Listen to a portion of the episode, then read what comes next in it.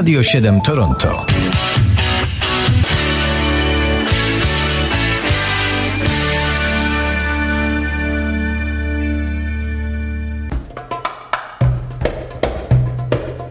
Piąty sierpnia to dzień niezwykle obfitujący w znaczące rocznice muzyczne, jakimś takim sposobem. Od razu wiele z nich musimy pominąć, a szkoda. Kalendarium muzyczne Radia 7 zaprasza.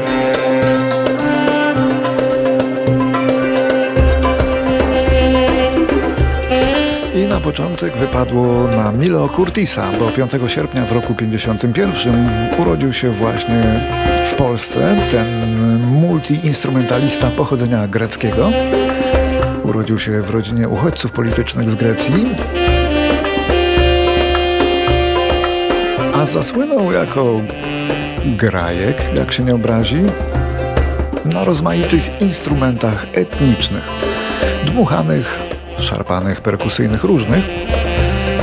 W rozmaitych formacjach, że wymienimy tu tylko Osjan, Manam, który Milo Curtis współzakładał, albo Izrael, albo WW.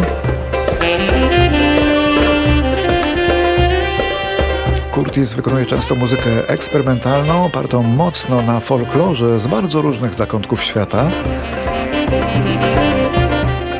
Podobnie z instrumentami. To nie jest muzyka dla każdego, ale oczywiście ma swoich wielbicieli. A tu właśnie słyszymy go na instrumentach perkusyjnych z jego własnym ansamblem.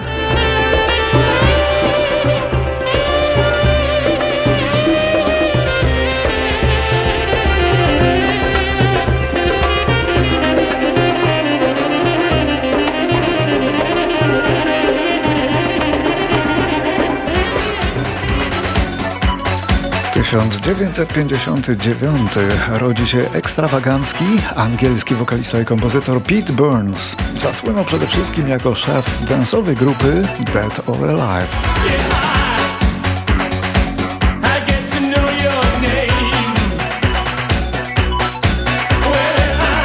Zespół ten największe triumfy swoje święcił ponad 30 lat temu za sprawą tej piosenki.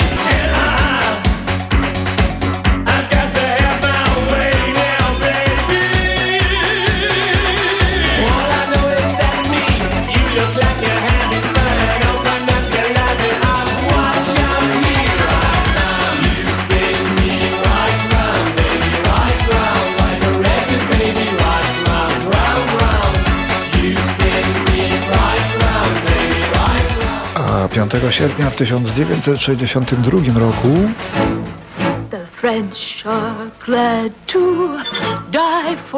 niespodziewanie umiera Marilyn Monroe. Słynna aktorka amerykańska, symbol pewnej kultury, a także symbol urody i symbol seksu. Miała 36 lat, a znaleziono ją w łóżku ze słuchawką telefoniczną w ręku. Oficjalnie popełniła samobójstwo przy pomocy środków nasennych, ale wokół jej śmierci narosło bardzo wiele teorii spiskowych. Podejrzewano ją o kontakty z komunistami, więc była pod parasolem FBI, choć pod tym samym parasolem mogła być też ze względu na romans z prezydentem Kennedym i z jego bratem. Był u niej tego dnia. No, w sumie nie dowiemy się. Marilyn Monroe zagrała w wielu filmach, zaśpiewała też kilka piosenek. Jest rzeka, zwana rzeką bez powrotu. Czasem jest spokojna, a czasem dzika i gwałtowna. Miłość podróżuje rzeką bez powrotu.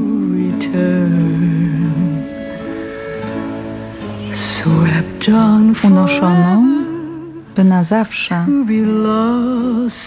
zniknąć gdzieś w burzliwym morzu. Hej, dokąd? Hej dokąd? Dalej do 63 roku. Jest przemiła i wszyscy się zachwycają jej wyglądem, sylwetką, urodą.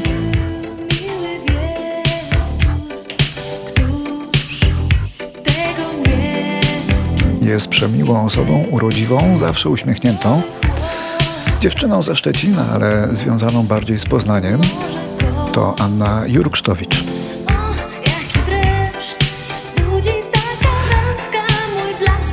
Anna Jurksztowicz, rocznik 63, była kiedyś zawodniczką w skokach do wody z wieży. Przyznam się, że się przyglądałem jak skakała na żywo i mi się to bardzo podobało. A potem muzycznie. Związana była m.in. z zespołem Spirituals and Gospel Singers, ale najbardziej to się związała z kompozytorem Krześmirem Dębskim, bo została jego żoną.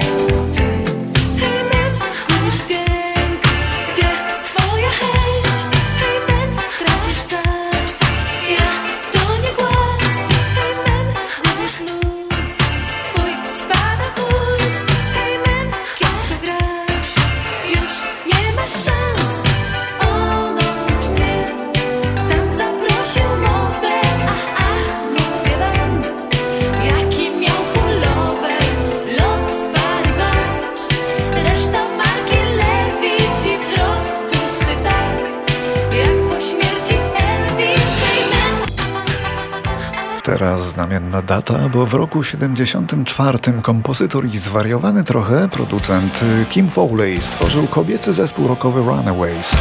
Chyba najsłynniejszy zespół kobiecy w dziejach.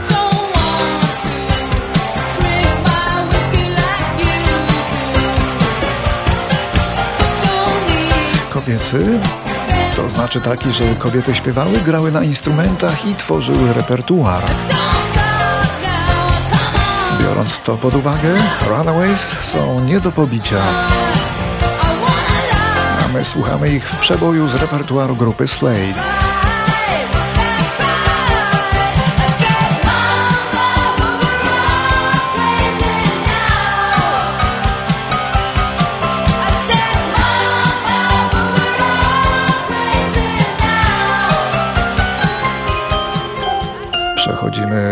Niezauważalnie do roku 75. Wtedy to 5 sierpnia w Brighton urodził się Dan Hipgrave, gitarzysta brytyjskiego niezależnego zespołu Top Loader. Mało kto o nim słyszał, ale może kojarzy się Państwu ta melodia z ich repertuaru.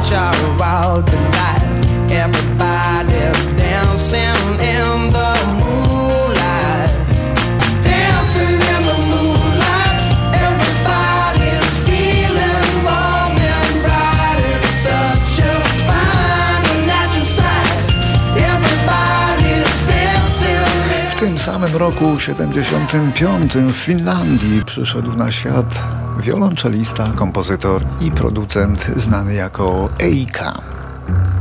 Jest członkiem zespołu Apokaliptyka, który uważa za swoje największe życiowe osiągnięcie. A Apokaliptyka to zespół, który gra rocka pomieszanego z klasyką i robi to wyłącznie, prawie wyłącznie, przy pomocy kilku wiolonczel.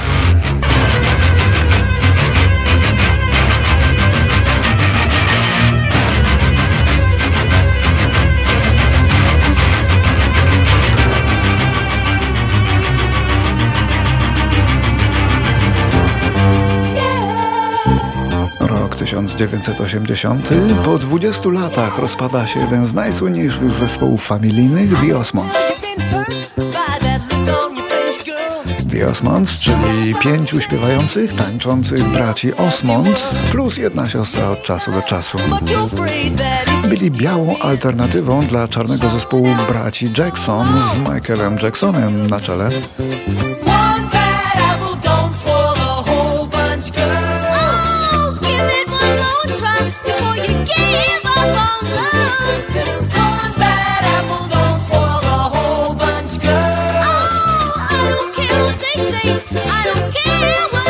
No tak czy owak Ameryka zwariowała na punkcie Osmondu we wczesnych latach 70., a dziś kto ich w ogóle pamięta?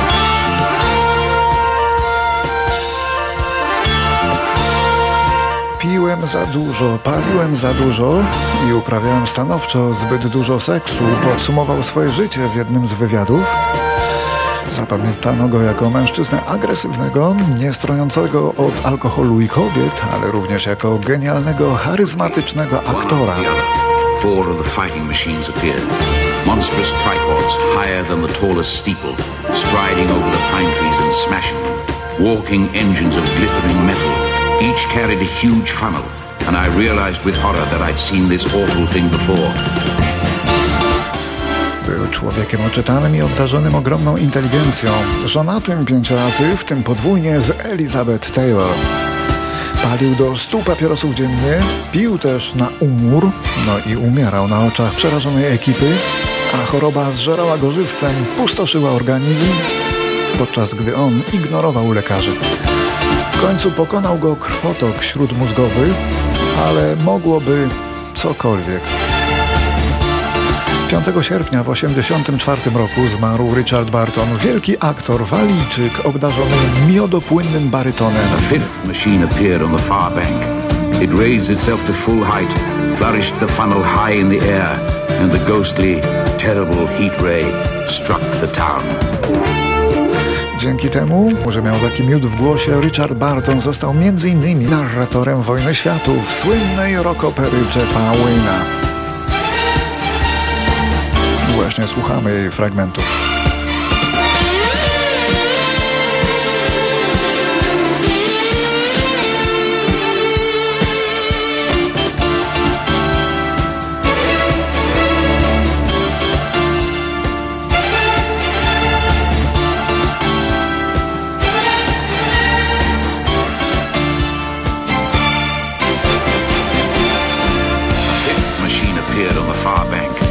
Piąta maszyna pojawiła się na przeciwległym brzegu. Podniosła się na pełną wysokość, wyrzuciła wysoko w powietrze lejek i ten upiorny, straszliwy promień żaru uderzył w miasto. A całość Wojny Światów po polsku na stronie internetowej Radia 7. Kolejna smutna rocznica przypada w roku 92 perkusista grupy Toto, genialny perkusista i genialny muzyk studyjny Jeff Porcaro, bezwzględnie jeden z najlepszych perkusistów w dziejach muzyki rozrywkowej, wychodzi ze swojego domu w Los Angeles, aby skosić trawę, a potem rozsypuje pestycydy. Nie wiedział, że ma na nie uczulenie i padł tak jak stał. Hear the drums echoing tonight. She hears only whispers the same.